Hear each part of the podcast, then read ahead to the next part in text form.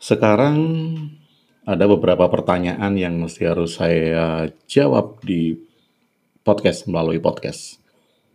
Karena beberapa hal saya capek ngetik mencet-mencet keyboard jadi mending saya jawab sambil ngobrol seperti ini. Pertanyaannya gini. Perjalanan ke dalam diri dan perjalanan keluar diri. Nah, bedanya apa? Orang sering bilang bahwa mari melakukan perjalanan ke dalam diri sendiri. Nah, sekarang kalau dipikir berjalan ke dalam diri itu yang bagaimana? Apakah memperhatikan diri sendiri, memperhatikan relung-relung yang terdalam dari diri. Lalu kalau memperhatikan diri sendiri yang diperhatikan apa? Pikiran gitu. Perhatiin pikiran, perhatiin pikiran keluar dan masuk, memperhatikan gambar-gambar yang ada di pikiran. Apakah itu perjalanan ke dalam diri? Lalu apa coba? Contohnya lagi mungkin orang tutup mata, kemudian melihat kesalahan-kesalahannya, lalu melihat apa perasaannya, melihat pikirannya, apakah itu yang dinamakan berjalan ke dalam diri? Ke dalam itu ke mana? Kalau dikatakan berjalan keluar diri itu yang bagaimana? Ini hal yang sedikit ambigu ya, membingungkan. Ini seperti saya pernah menjelaskan tentang pikiran dan kesadaran. Ini juga kalau nggak dijelaskan kan bingung kan. Pikiran yang mana, kesadaran yang mana, lalu ada yang bilang hiduplah secara sadar. Kalau hidup secara sadar, apakah hidup tidak menggunakan pikiran? Lalu kemudian, kalau hidup menggunakan pikiran, apakah hidup yang tidak sadar? Nah, kan dua hal yang saling membingungkan. Lalu kemudian ada yang bilang, saya diminta untuk mengamati pikiran. Kemudian dia bilang lagi kan, ada yang mengamati pikiran. Yang mengamati pikiran tentu saja pikiran, gitu. Terus dia sama aja dong, pikiran mengamati pikiran, jadi kesadaran itu nggak ada, gitu katanya. Tapi saya sudah menjelaskan tentang pikiran dan kesadaran, jadi kita nggak bingung lagi pada bagian itu ya. Nah sekarang perjalanan ke dalam diri itu yang bagaimana? Apakah saya sudah berjalan ke dalam diri? Apakah si A itu masih berjalan keluar diri? Apakah si B itu berjalan ke dalam atau berjalan keluar gitu? Yang pertama kali kita nggak melihat orang lain. Kenapa? Karena perjalanan individual itu pengalaman pribadinya adalah pengalaman dia, dia yang tahu. Jadi kita nggak ngurusin orang. Siapa pun dia. Entah itu orang yang dekat dengan kita, orang yang jauh dengan kita, itu itu urusan dia. Biarkan dia melakukan refleksi apakah dia berjalan ke dalam diri atau berjalan keluar diri. Nah sekarang yang kita urusi adalah diri kita sendiri dulu. Jadi kita tidak membandingkan dengan siapa pun juga apakah saya sudah berjalan ke dalam, apakah dia juga sudah berjalan ke dalam, apakah saya masih berjalan keluar, apakah dia masih berjalan keluar, itu nggak usah kita bandingkan. Yang kita lihat adalah diri kita sendiri karena yang tahu diri kita ya kita, yang tahu dirinya ya dirinya. Kita nggak akan tahu orang lain. Kita hanya tahu diri kita sendiri. Oke, yang pertama harus kita ingat adalah bahwa spiritualitas itu mengandung banyak metafora. Semuanya metafora, bahkan simbol, semuanya simbol. Jadi kalau kita menganggap bahwa berjalan ke dalam itu diartikan benar-benar ke dalam ya. Jadi ada luar, ada dalam. Sekali lagi, istilah luar dan dalam ini merupakan simbol simbol. Jadi nggak ada yang di luar, nggak ada yang di dalam. Sama. Kalau saya berjalan, ya berjalan itu maju. Nggak ada yang berjalan mundur. Maju berjalan sama. dua hal yang sama. Jadi kalau dikatakan berjalan ke dalam, jangan dibayangkan dalam itu adalah pikiran kita, perasaan kita, batin kita gitu kan. Melihat dalemannya diri sendiri. Jangan dibayangkan gitu. Yang mesti kita ingat pertama kali adalah banyak sekali istilah dan bahasa di dalam spiritual itu merupakan bahasa simbol atau bahasa metafora. Ke dalamnya ke mana? Atau ada juga yang gini, saya melakukan perjalanan ke atas, gitu kan? Atau Tuhan ada di atas sana, sehingga berdoa menghadap ke atas. Apakah atas itu atas kita gitu? Di langit, di awan, di angkasa, di luar bumi itu yang kita anggap atas. Enggak juga, ini simbol juga. Kenapa kok kita melakukan berdoa kepada Tuhan yang di atas sana, bukan Tuhan yang di bawah sana? Coba saja. Ketika Anda berdoa dan Anda menengadah ke atas, Anda bahagia. Ketika Anda menundukkan kepala melihat ke bawah, Anda sedih. Coba Anda melihat ke atas dan memikirkan hal-hal sedih. Nggak bisa. Karena apa? Karena fisiologi tubuh, sekali lagi ya, fisiologi tubuh itu akan mempengaruhi suasana diri. Jadi ketika ada istilah bahwa berdoa kepada Tuhan yang di atas sana, artinya kita diminta untuk bahagia. Kenapa ketika kita menanggupkan tangan, kemudian melihat ke atas, kita tidak berpikir sedih. Tapi ketika kita melihat ke bawah, kita pasti akan gampang berpikir sedih. Coba Anda melihat ke bawah, kemudian berpikir senang. Fisiologi tubuh Anda akan menghalangi untuk berpikir senang. Nah, sama juga perjalanan ke dalam dan perjalanan keluar. Ini nggak ada dalam dan nggak ada luar. Jadi tidak ada definisi ketika dalam itu kita perhatiin pikiran kita, batin kita, atau melihat relung-relung bagian-bagian diri di dalam nggak ada. Kalau kita berpikir seperti itu, kita terjebak untuk mencari tahu yang dalam yang mana, yang luar yang mana. Nah, tolak ukurnya gampang kok. Tolak ukur ukurnya gampang. Jadi kalau ada di Karma Yoga, saya menuliskan ada faktor pendorong tindakan. Yang satu itu might atau cinta kasih, yang eh, mercy, cinta kasih, yang satunya itu might.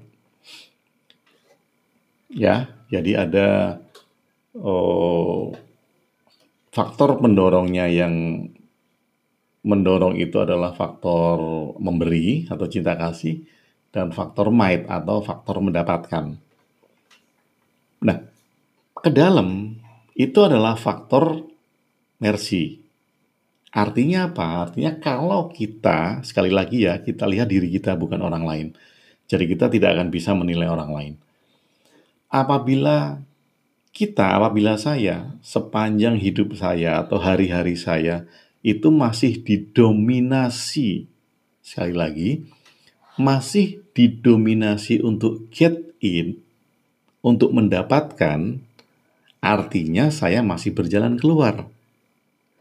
Berjalan keluar karena orientasi saya masih materi. Mendapatkan ini, sukses ini, mewujudkan ini, dan segala macam.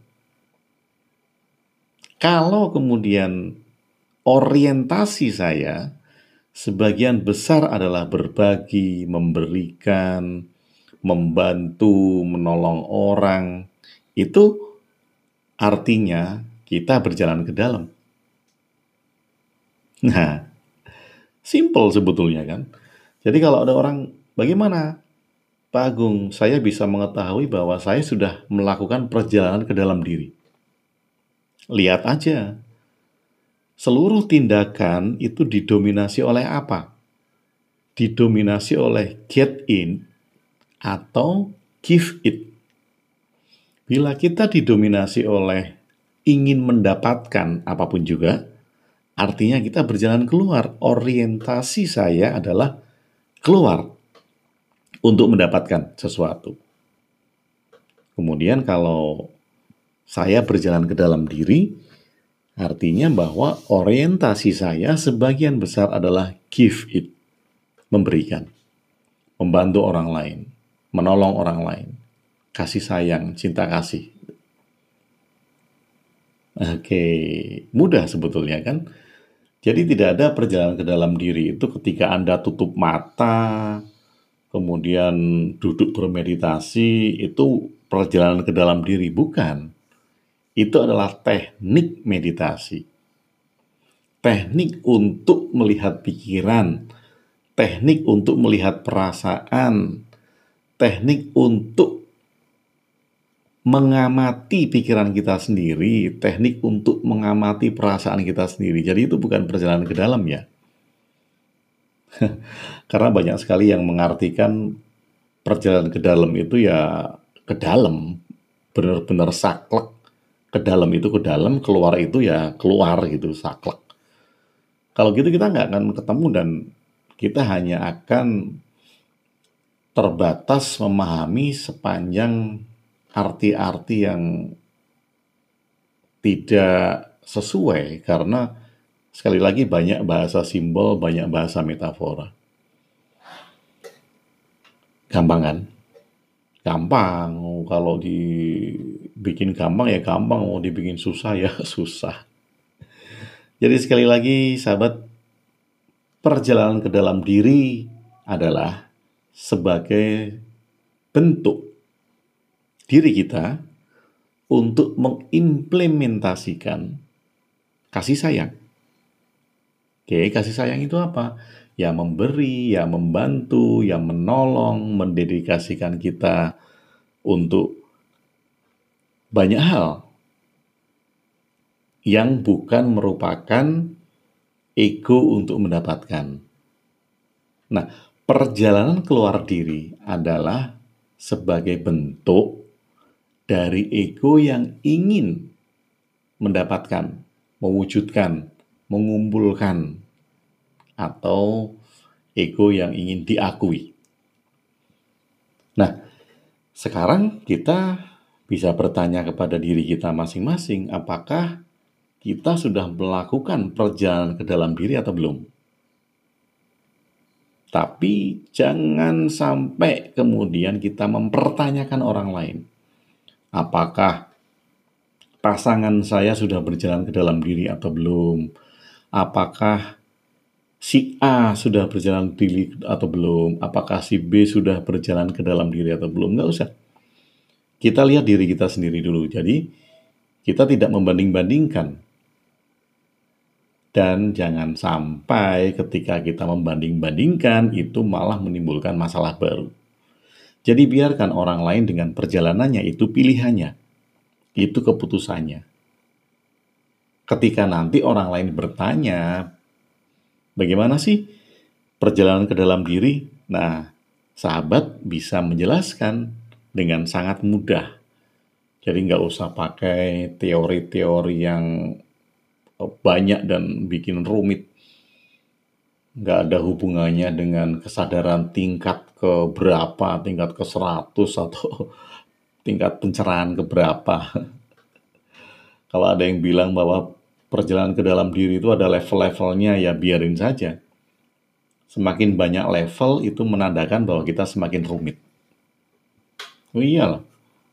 Kalau semakin banyak level kita sematkan pada diri kita sendiri, ya kita menjadi rumit sendiri. Padahal hal yang paling sederhana bisa kita lakukan adalah hanya ada dua faktor tindakannya might mendapatkan mercy memberikan. Oke sahabat, jadi sekarang kita nggak bingung lagi ya mendefinisikan perjalanan ke dalam diri dan perjalanan keluar diri. Jadi lihat saja orientasi sebagian besar hidup kita itu untuk apa?